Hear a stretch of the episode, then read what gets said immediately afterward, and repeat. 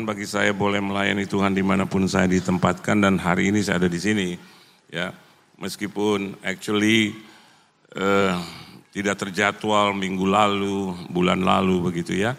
Tapi saya percaya bahwa segala sesuatu yang terjadi dalam hidup kita, uh, percayalah orang yang percaya kepada Tuhan selalu merasa bahwa rancangan Tuhan itu berlaku dalam hidup. Ya, mari kita uh, melihat bersama-sama di dalam uh, Injil Matius pasal yang ke-20. Terima kasih buat Tuhan Yesus yang mengundang saya. Terima kasih juga buat gembala saudara. Terima kasih suami istri dan juga seluruh hamba Tuhan, pelayan Tuhan dan para pengerja di gereja ini maupun seluruh jemaat Tuhan yang dikasih oleh Tuhan. Saudara bersuka cita, amin. Kita buka Alkitab kita dalam Injil Matius pasal yang ke-20 ayatnya yang ke-30 sampai dengan ayat yang ke-34 dan kita akan lihat di dalam eh, 30 menit ke depan.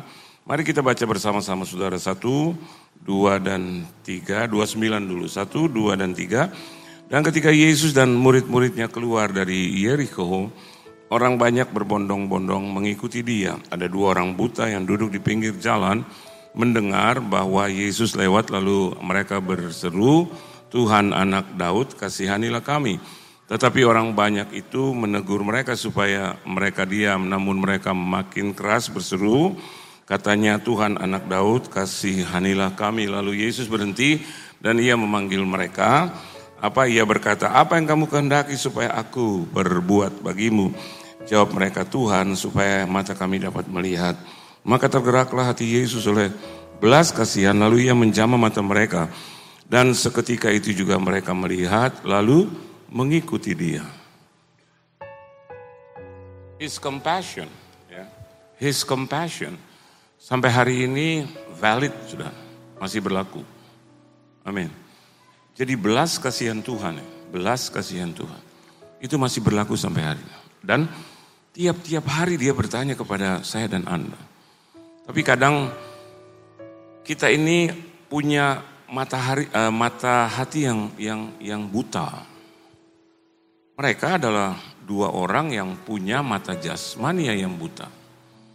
Tapi kita anak-anak Tuhan di ruangan ini percaya kepada Yesus, terima Yesus sebagai juru selamat, beribadah tiap hari Minggu, tapi mata rohani kita buta.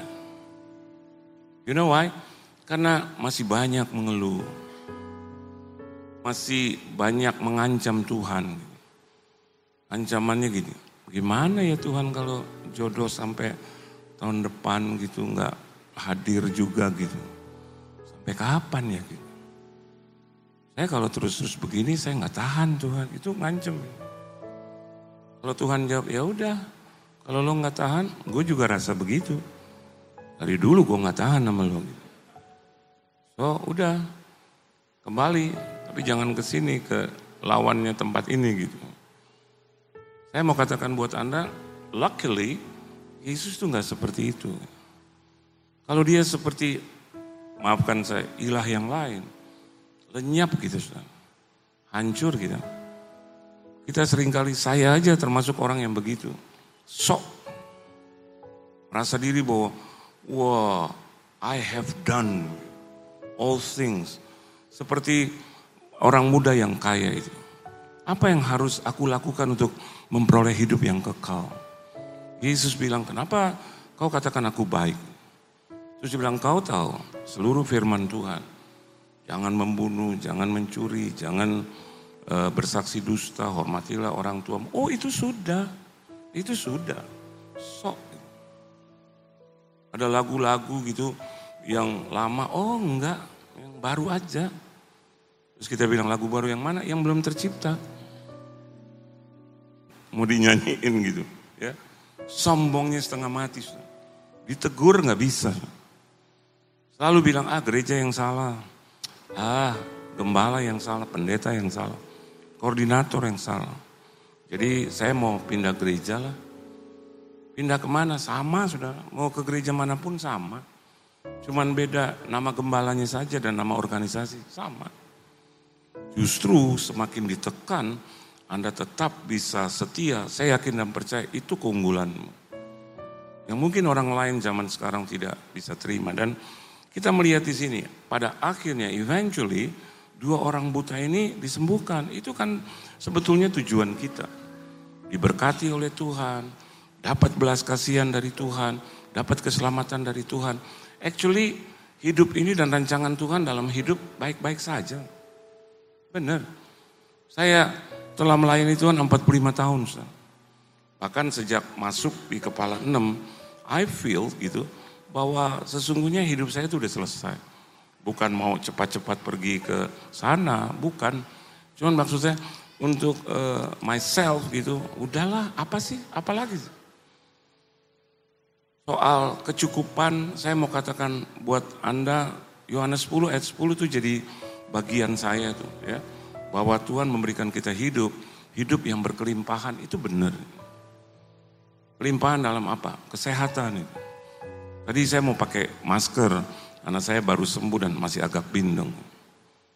Tapi tanpa ke rumah sakit lagi tuh, again and again. Saya 60 tahun belum pernah dirawat di rumah sakit. Saya pikir penyakit ini nih sekarang akan membawa saya ke rumah sakit karena usia makin makin bertambah. No. Janjinya tidak pernah berubah. Waktu saya mau melayani Tuhan ada tujuh janji yang saya minta sama Tuhan dan Tuhan bilang, iya I will do it. Dan saya tahu setiap janji Tuhan di Alkitab itu benar. Saya hanya minta tujuh janji. Janjinya yang pertama, biar saya tidak masuk rumah sakit. Promise me Lord. Karena saya nggak suka tuh lihat-lihat darah dan dipotong-potong, saya nggak suka. Masuk uh, rapi, pulang ke rumah pakai jaket, maksudnya udah dibelah gitu, terus sudah dijahit. Saya nggak mau. Saya nggak mau apa kepala saya, aduh dibuka. Saya punya sahabat punya ibu sampai dibuka semua, itu otak. Saya bilang, aduh Tuhan jangan ya. Saya masuk suntikan aja, aduh, aduh, aduh, aduh, aduh, aduh, aduh, aduh, aduh, aduh, gitu. Jadi mungkin suntikan aja nih kalau bukan yang vitamin, mungkin sepanjang sejarah hidup saya cuma dua kali. Uh, itu juga bicara tentang cacar dulu SD. Selebihnya nggak ada gitu. Karena saya bilang sama Tuhan, if you gitu, choose me, just give me your promise. Dan Tuhan bilang, oke, okay, what kind of promise that you want? Saya bilang, jangan gotong saya ke rumah sakit. I'm telling you the truth. Ya di atas ya. Pokoknya aku sembang kau yang mulai sok ngancem gitu. Tapi Tuhan bilang begini, oke, okay, as long as selama engkau juga hidup benar di pemandangan. Dan saya lihat gitu, beres. Tiap kali saya mau melangkah sesuatu yang ke kiri-kirian, saya ingat itu janji. Enggak. Hmm, enggak deh. Yang ke daging-dagingan, mm, mm, enggak deh. Terus mau benci-benci orang, sakit hati sama orang. Kayak roh kudus bilang, hmm, Gue gotong loh ke rumah sakit. Puji Tuhan, ini masuk 60 ya, 61 ya. Never. Dan hebatnya itu selalu Tuhan tolong tepat pada waktunya. Ya. Dan yang kedua, ada banyak juga janji Tuhan yang keenam. Saya bilang, tolong selamatkan saya dari kecelakaan, dari kematian yang tidak perlu. Mau naik pesawat, mau naik kendaraan, mau naik mobil, motor, apa pun itu mau apa kereta api, mau lambat, mau cepat, tolong Tuhan. Dan sampai hari ini enggak pernah. Pernah ada satu kali ada taksi yang begitu uh, ugal-ugalan, dia tabrak mobil saya. Yang baru dua minggu loh, baru DP loh. Dia tabrak semua gitu. Dan arahnya ke sopir saya. Ternyata dia punya apa namanya itu terot patah Waduh. Dan dia hantem, Tuhan baik, dia hantem tulang uh, pintu. Bilang, kenapa tulang pintu? Pakai nanya loh kata Tuhan, daripada tulang lo. Wah benar. Dan ternyata maafkan saya itu begitu keluar itu, waduh. Saya bilang kamu, mana SIM kamu? Belum ada bapak. Waduh. Mana kamu punya STNK? Udah STNK kasih saya saya hanya uh, sopir nanti saya bawa majikan saya bilang mana tanggung jawabmu Maksud, sebentar dia telepon majikannya majikannya sama satu satu suku dengan dia saya nggak usah perlu kasih tahu tapi dengan nada Saya, saya Anda tahu suku apa itu?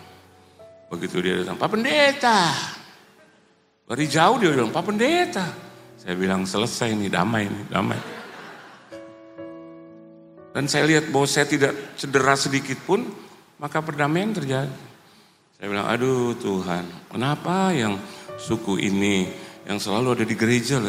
Aduh Pak Pendeta, Pak Yohan Lumoin dong kan. Ah selesai sudah. Udah nggak pakai duniawi, sorgawi nih. Terus dia bilang, bagaimana Pak Pendeta? Kau ini lihat-lihat. Kalau kau mau tabrak-tabrak orang lain, jangan Bapak Pendeta. Bagaimana dia bisa pilih begitu? Terus dia bilang, bagaimana Pak Pendeta? Apa yang harus saya lakukan? Enggak ada. Kenapa begitu Pak Pendeta? Ini emang begitu. Ya. Maksudnya, udah nggak usah bayar apa-apa, pulanglah dalam damai Tuhan. Dia bilang, oh haleluya. Eh dia panggil sopirnya, untung kau tabrak dia. Bulak balik bingung. Tapi saya lihat setelah itu istri saya bilang, ada apa asuransi kok beres. Tapi dua minggu, apa namanya, baru bayar DP. Itu kredit tiga tahun. Sampai saya bilang dalam nama Yesus. Kenapa begini? Tapi ternyata baik buat kita. Saya selesaikan itu mobil pakai sampai 60 ribu lebih kilometer. Begitu selesai, saya mau ganti dengan yang baru. Ya. Tiba-tiba naiklah harga mobil. Dan khususnya mobil saya. Saya beli 270 juta. Saya ditawar 295 juta. Enggak pakai banyak omong ambil. Dia bilang, tapi saya boleh lihat kondisi mobil? Dia, saya bilang, boleh. Dia lihat kiri kanan. Sepertinya tidak pernah ada tabrakan ya. Kan dia bilang sendiri. Yesus bilang kau yang mengatakannya kan begitu. Dia bilang sepertinya tidak ada kendala ini mobil. Saya bilang memang tidak ada kendala. Benar kau mengatakan. Terus dia bilang saya bayar 295. Saya tadi mau bilang 300, udahlah ya. Bayangin beli 270. Pakai 2 tahun, 60 ribu kilometer, ditawar 295. Hanya orang bodoh terus yang tidak bisa 300 juta lebih. Langsung tak saya pencap pembuluh darah mati saya. Kenapa? Tuhan bilang kau keterlaluan. Nah saya lihat Tuhan itu begitu baik buat kita. Cuma pertanyaannya begini, coba saya tutup firman Tuhan dengan ayat yang ke-34. Coba baca sama-sama ayat 34. Kita punya eh, kebutaan di dalam mata rohani kita, kita nggak sadar itu, bahkan kita menyalahkan orang lain. Seolah-olah bahwa kita sempurna dengan pandangan yang sempurna tanpa kebutaan. Padahal rohani kita yang harus dirubah. Coba baca ayat 34. Satu, dua, tiga. Maka tergeraklah hati Yesus oleh belas kasihan. Stop dulu sampai di sini. Ada enggak Anda dan saya di ruangan ini selalu punya belas kasihan? Loh, jangan langsung tuding. Suami salah, tuding. Istri salah, langsung tuding. Langsung kita bilang, kau yang salah. Kalaupun dia salah, ada nggak gitu? Rasa compassion. Kalau gereja ini indah, saya mau katakan buat Anda, ada nggak belas kasihan? Dan Walaupun dalam keindahan ini ada saja gitu hal-hal yang dibutuhkan. Kadang-kadang kita bilang, aduh lihat di media sosial, terus aja tuding-tuding. Mereka lupa, mereka nggak sadar gitu. Coba ikuti perjalanan hidup gembala atau pendeta itu. Lihat, daily. Mungkin orang-orang yang berkata seperti itu adalah orang-orang yang mau ambil keuntungan. Mereka baru dua bulan, tujuh bulan, satu tahun jadi hamba Tuhan dua tahun. Dan mereka mungkin melihat bahwa gereja mereka stuck. Sehingga akhirnya ambil jalan pintas.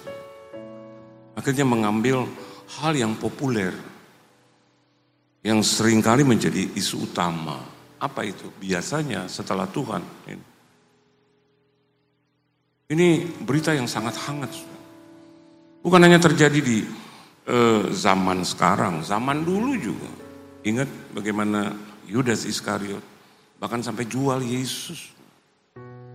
Dan hari ini kita bisa lihat di luar, Yesus itu dijual ke sana kemari dengan harga yang murah. Ada yang bilang lah bahwa Yesus itu bukan Tuhan.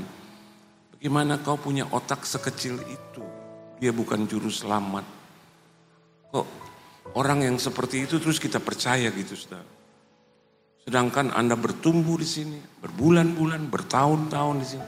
Anda tidak percaya dengan siapa pengelola daripada gereja. Itu hal yang simple. Jangan terlalu banyak punya kebencian sehingga akhirnya tertutup itu hati semua. Sehingga yang keluar bukan belas kasihan tapi hujatan demi hujatan. Gosip demi gosip.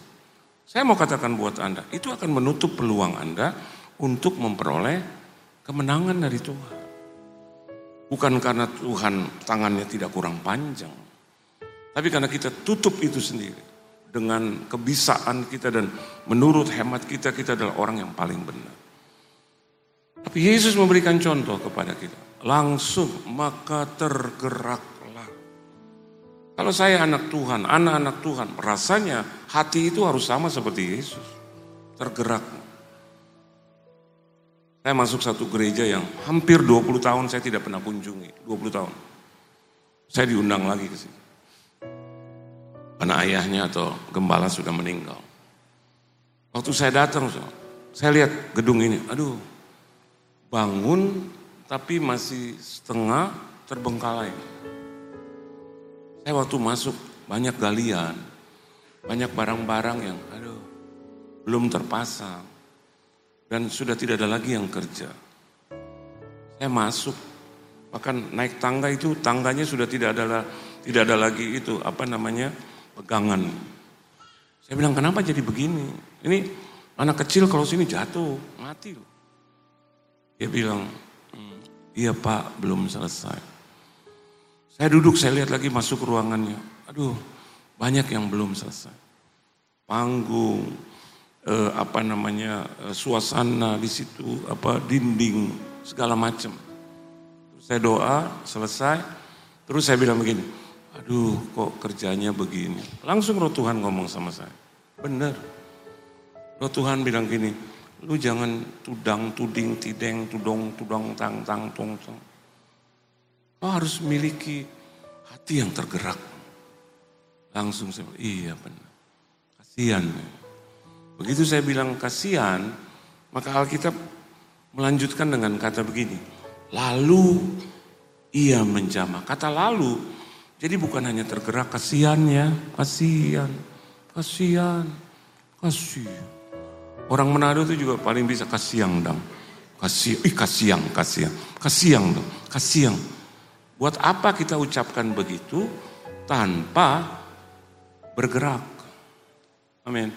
Jangan berhenti di tergerak, kasihan, kasihan, kasihan. Harus ada tindakan. Yesus tergerak, terus dia bertindak lalu. Jadi saya lihat, hmm, luar biasa. Dan Tuhan bilang, nanti kau naik panggung, kau bilang, kau tergerak dan bergerak untuk memberkati. Di depan saya itu persis janda dari gembala itu. Begitu saya naik, saya perkenalkan diri, amin, haleluya. Terus uh, tante, saya nggak tahu, ya, tapi saya yakin dan percaya Tuhan bergerak melalui saya, maka uh, gereja ini saya mau sumbang. Oh udah tepuk tangan semua ini ini tante nangis. Terus saya bilang walaupun nggak kontan langsung diam semua satu gereja. Saya bilang saya mau sumbang tapi nanti saya cicil. Tapi sesuai dengan kemampuan saya. Ini yang Tuhan taruh. Saya padahal saya hanya cuma punya 200 ribu. Saya nggak punya lagi apa namanya deposito 0,0,0000,00. Enggak ada, huruf satu enggak ada saudara. Mau di depan, di belakang enggak ada.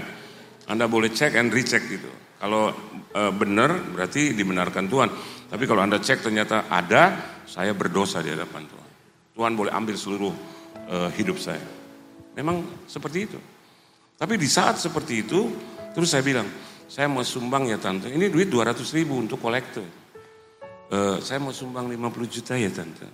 Dia gini, wow. Dan Saya juga merinding. Waduh. Kenapa gue ngomong sampai 50 ya? Harusnya kan begini gitu. Orang kalau lagi sakit mulai mau baik pelan-pelan dong. Makannya jangan langsung keras. Ini 50 keras banget. Terus ya udahlah. Saya pikir saya pulang itu urusan Tuhan. Begitu saya turun, anak saya yang paling sulung kasih jempol. Saya juga kasih jempol, terus kita foto. Maksudnya yang foto malaikat gitu. Jadi saya bilang begini, saya. Anak saya yang perempuan yang bungsu. Pah, pah. Makin sedih saya. Maksudnya gimana gitu ya. Tapi begitu di ruang VIP terus saya bilang, ayo tante makan yuk.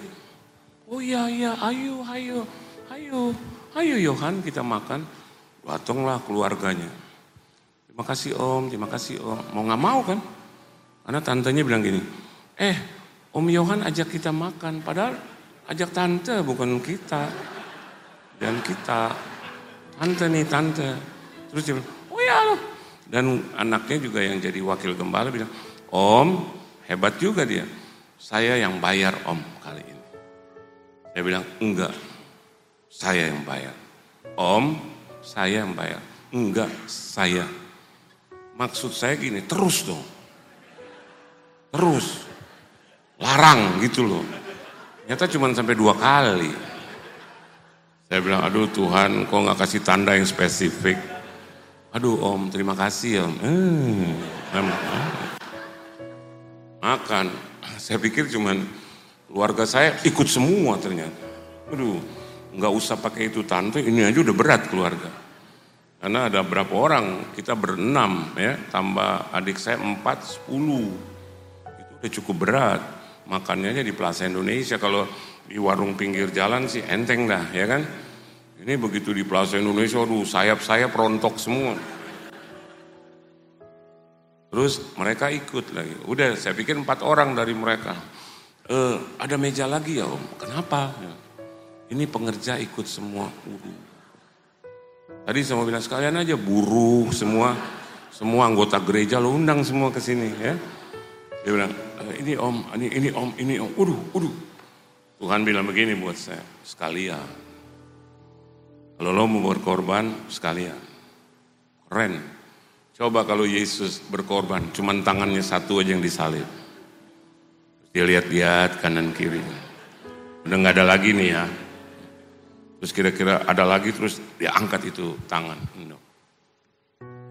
Dia bilang oke okay lah puji Tuhan.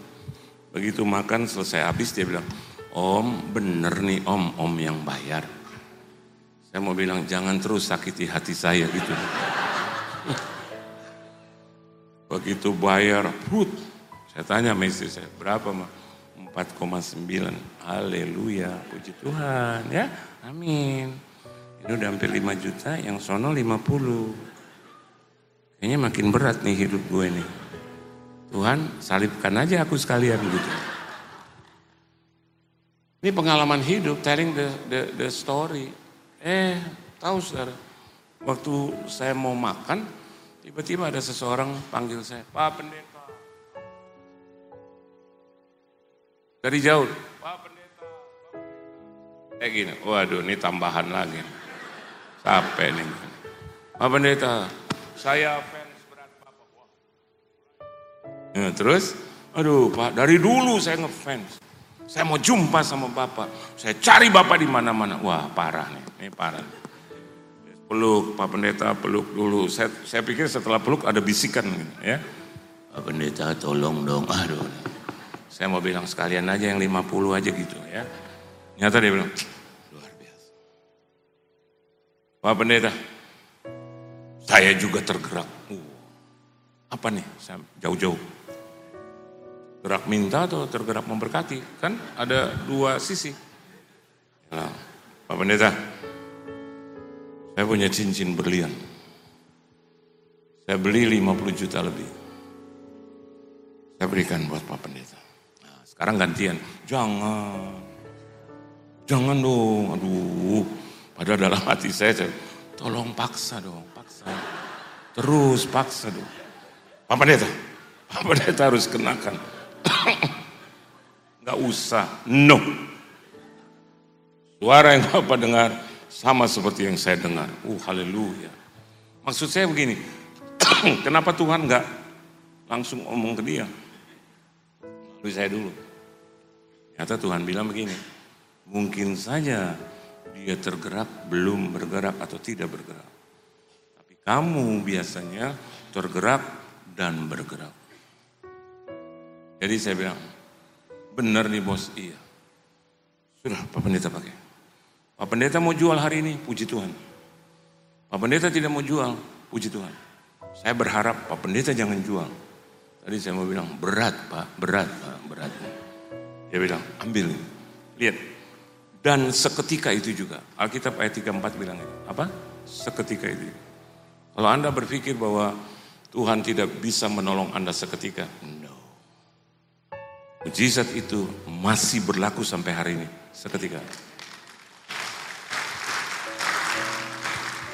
Udah nih, selesai.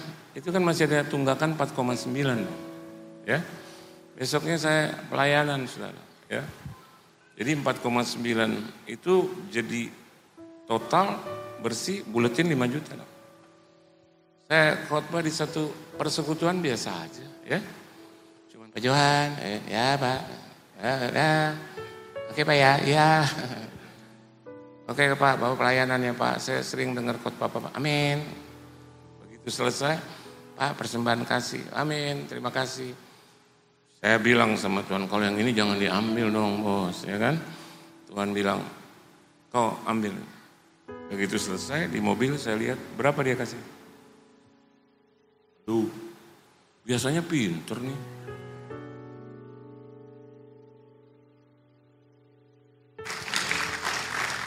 Dan kembali apa bu? Seketika. Di situ saya lihat, Tuhan saya saya tidak bermaksud untuk dikembalikan seperti itu. Tapi saya lihat dia tahu juga kebutuhan dan keperluan kita. Dia mau pakai saya dan Anda di ruangan ini. Gereja JCC di ruangan ini. Bahwa dia masih hidup. Dia tidak pernah berubah dahulu sekarang sampai selama-lamanya. Dia tidak pernah terbatas dengan ruang, waktu, dan materi. Matter. Dia adalah Tuhan dengan keilahian yang luar biasa. Tidak terbatas dengan waktu, tidak terbatas dengan tempat, tidak terbatas dengan matter, dengan materi apa pun, material apa pun. Dia adalah Kristus yang menjadi sang mujizat itu. Tuhan Yesus memberkati. Beri tepuk tangan yang meriah buat Tuhan. Tunduk kepala kita berdoa. Kami punya Tuhan yang spektakuler. Kami bukan hanya bicara tentang berkat materi, tetapi ketika kami juga setia dengan dengan perkara seperti itu. Mau melakukan yang terbaik dengan apa yang kami punya. Kalau kami punya materi, kami berikan juga kepada Tuhan karena kami tidak mau memberhalakan itu sebagai ilah kami. Kami yakin dan percaya segala sesuatu milik Tuhan. Bahkan segala bentuk tindakan dan perbuatan yang kami perbuat untuk memuliakan Tuhan itu tidak akan pernah sia-sia. Terima kasih Tuhan untuk jemaatmu di sini, untuk gerejamu yang indah, yang diberkati oleh Tuhan. Terima kasih untuk seluruh pengerja, seluruh anak-anakmu yang taat dan setia untuk melakukan kebenaran firmanmu. Hambamu selesai tapi engkau belum selesai. Teraikan lebih hebat lagi kebenaran firmanmu di dalam nama Tuhan Yesus Kristus. Kami semua telah diberkati. Haleluya. Amin. Tuhan Yesus memberkati saudara.